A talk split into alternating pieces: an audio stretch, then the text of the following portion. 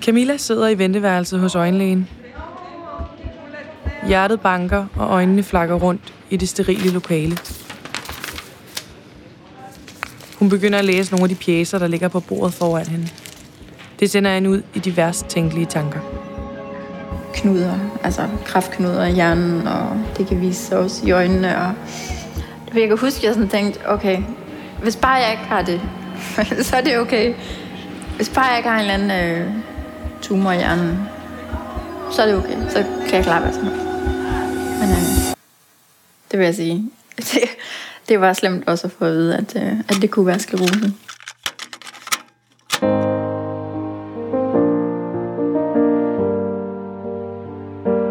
Jamen, jeg hedder Camilla, og jeg bor i Esbjerg. Jeg fik konstateret sklerose for 4,5 år siden. Kære lytter, det her er ikke hvilken som helst fortælling om sklerose. Det er Camillas helt egen, som hun nu deler med dig. Velkommen til Sklerose og jeg. Den første episode er tre med Camillas historie. En original podcast fra Biogen. Og det startede egentlig med, at jeg havde nogle problemer med, med synet. Øhm, det flimrede for mine øjne, og det gjorde ondt, når jeg sådan bevægede dem. Og det var primært det ene øje.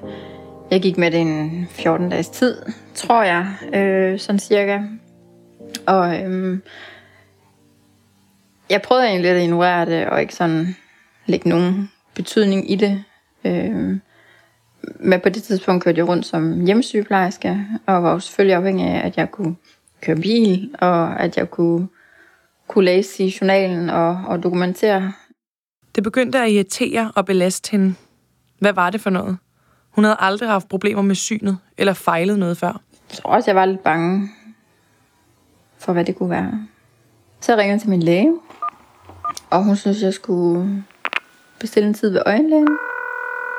Øhm, og kommer så ret hurtigt til en øjenlæge, og han laver alle mulige forskellige tests, og undersøger mit syn, øh, og konstaterer så, at jeg har synsnervebetændelse. Og det er der som sådan ikke noget farligt i, men det kan så være et af de første symptomer på sklerose.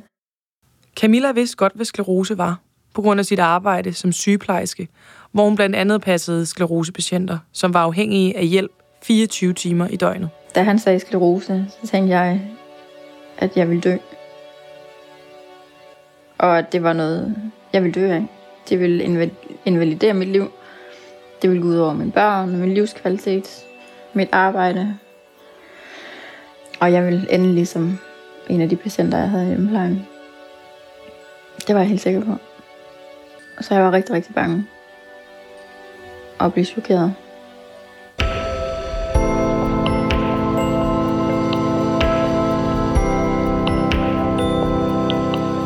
Du er nu med på en rejse, Camillas rejse. Hvordan gik hun fra at være den, der hjalp andre, til at være den, der føler sig som den hjælpeløse? Hvordan så hun prøverne i øjnene? Ikke kun dem på hospitalet, men også dem, der fulgte med i dagligdagen. Og hvordan blev hun til, hvad hun selv beskriver som Camilla med et twist? For mig at, at lave de her podcast er også øh, down memory lane på en eller anden måde. Altså få et, et indblik og et tilbageblik i, hvad der egentlig skete dengang. Fordi mange af tingene tror jeg ikke, jeg kan huske, fordi det var, jeg var chokeret øh, og var ved siden af mig selv på rigtig mange områder. Så det her med at høre andre, som var der med mig i det, og skal fortælle, hvad der skete. Men vi spoler først lige lidt tilbage i tiden. I venteværelset ved øjenlægen sidder Camilla nu med en henvisning i hånden om, at hun skal udredes for sygdommen. Hjemme igen får hun adskillige indkaldelser i sin e-boks. Alt sammen inden for en tidshorisont på 14 dage. Så det går hurtigt. Det går rigtig hurtigt. Da jeg fik øh, diagnosen sklerose, der blev tæppet totalt reddet væk under mig. Altså, jeg var virkelig øh, i krise på det. Altså, det var jeg virkelig. Jeg kan huske, jeg tænkte, at, øh, at det var det. Jeg tænkte virkelig, det var det. Nu dør jeg, og mine børn skal ikke... Øh, Altså, de skal opleve mig være syg og ikke kan noget som helst. Øh, det var hele livet på det tidspunkt. Det var sklerosen. Og jeg tænkte, altså, ja, når jeg kigger på det, husker tilbage på det, hvordan det var dengang, og så i dag, fyldte den jo alt. Altså, alt var omdrejningspunktet for sklerose. Kan jeg det? Må jeg det? Hvad er nu det? Kan det være et nyt attack? Øh, ja, hvad er godt og hvad er ikke godt? Og kan vide, om han har sklerose. Ej, hun går jo sjovt hende der, jeg tror hun også. Altså, alt blev, øh, ja, blev sammenlignet med, med sklerose. Så det var helt omdrejningspunktet i mit liv. Da den værste overraskelsestorm har lagt sig, bryder vreden frem. Og så kommer den her vrede øh, over at have fået den her diagnose, og altså hvorfor skulle jeg have det? Øh, hvad har jeg? Det bliver nok sådan lidt, okay, hvad har jeg gjort? at hvad, der har været et eller andet, der ikke har været godt, øh, siden jeg har fortjent at skulle, skulle have den. Og med vreden fulgte Camillas sværeste tid med sygdommen. Altså det første år specielt var, øh, var alt indkapslet i sklerose-diagnosen. Det var det. Øh, alt hvad jeg foretog mig. Og havde hele tiden den her fornemmelse af, at jeg skulle passe på, og jeg måtte ikke gøre det, og jeg skulle gøre det på den måde, og træning og kost, og altså også brug for sådan at have lidt styring og lidt kontrol over, øh, hvad jeg kunne gøre for at forbedre mine chancer. Ja. Midt i det her kaos af tanker om sin egen sundhed, var der også familien og kærligheden.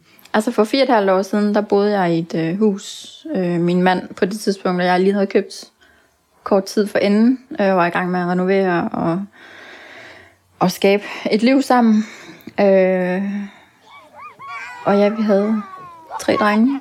Den ældste af mine drenge fra et andet forhold, men vi havde så to drenge også. Det er jo fire og et halvt år siden, så den yngste har været fire og 8-9 år og 14-15 år. Så der var jo sådan lidt børn i alle aldre på det tidspunkt. Så der var godt gang i livet. På det tidspunkt, der havde der på ingen måde tid til at, at skulle til nu og tage mig af det her. Altså, hvad var nu det for noget? Det var tavligt. Mega tavligt. Og ikke okay. Og også det her med, at lige pludselig så skal, skal have en anden rolle i familien, ikke? Altså med, med mand og med børn, og altså mig, der er syg i gåsøjen. Altså, skulle til at tage hensyn på den måde. Det var ikke på grund af sklerosen, vi blev skilt.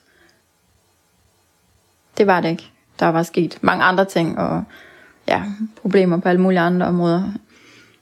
Men sklerosen gjorde, at jeg lige skulle tænke mig en ekstra gang om, fordi jeg tænkte, der er ikke nogen, der vil have mig. Jeg har sklerose. Altså, det var virkelig, som sagt, alt i mit liv, der handlede bare om sklerosen. Vi blev skilt et par år efter, jeg fik diagnosen. Og om jeg var blevet skilt alligevel, det tror jeg, at jeg var. Altså, det var jeg. Men det har trukket længere tid. Det tog mig længere tid at tage beslutningen om, at vi skulle skilles. Fordi jeg havde sklerose. Helt sikkert.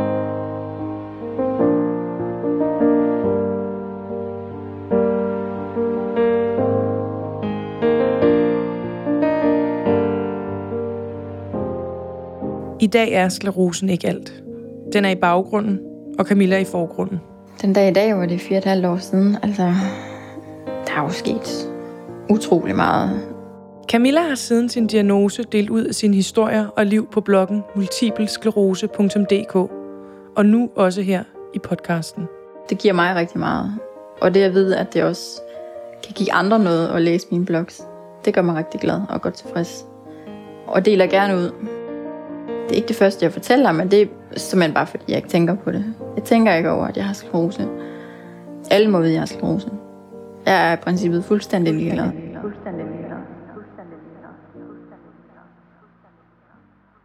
Det er ikke på den måde blevet styrende i mit liv. Slet ikke. Jeg kan godt lide at sige, at der er nogen, der siger, at jeg har sklerose.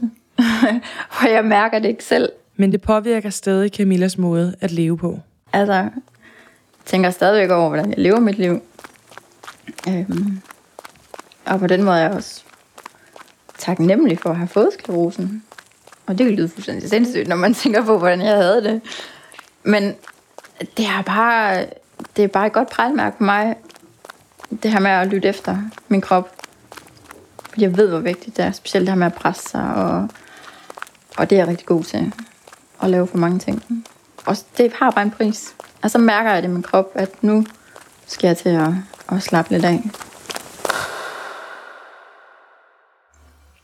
Lidt føleforstyrrelse i den ene fod, eller så ved jeg, okay, Camilla, nu skal du lige til at, at slappe lidt af. Kan man have den der skyldfølelse, eller med mine venner, der siger, Camilla, slap nu lige lidt af. Og så er jeg bare sådan indrettet, så bliver jeg lidt trodsig og lidt stedig.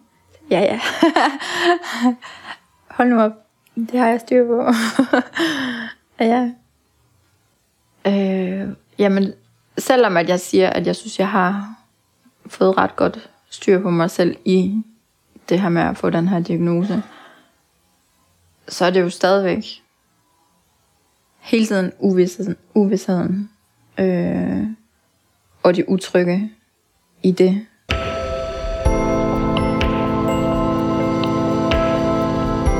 Hvem er Camilla i dag?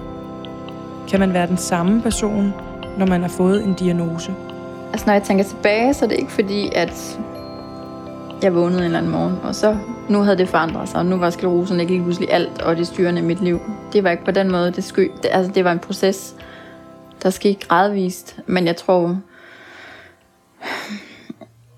jeg har også selv gjort meget for ligesom at bearbejde den sorg, der også er i det. Og skulle have en, altså det er jo en ny identitet på en eller anden måde, ikke? Så jeg besluttede mig for ikke at være sklerosepatient. Jeg er Camilla, og der er nogen, der siger, at jeg har sklerose. Ja, men jeg er stadig Camilla. Jeg har bare lige et lille twist, som overhovedet ikke gør mig til en dårligere person, eller ringer stillet på nogen som helst måde. Men, men alligevel, når vi jo så sidder, eller jeg sidder og fortæller om det, så kan jeg godt mærke, at jeg alligevel fylder. Det alligevel fylder lidt. Mere end jeg nok måske lige ville være ved. Ja.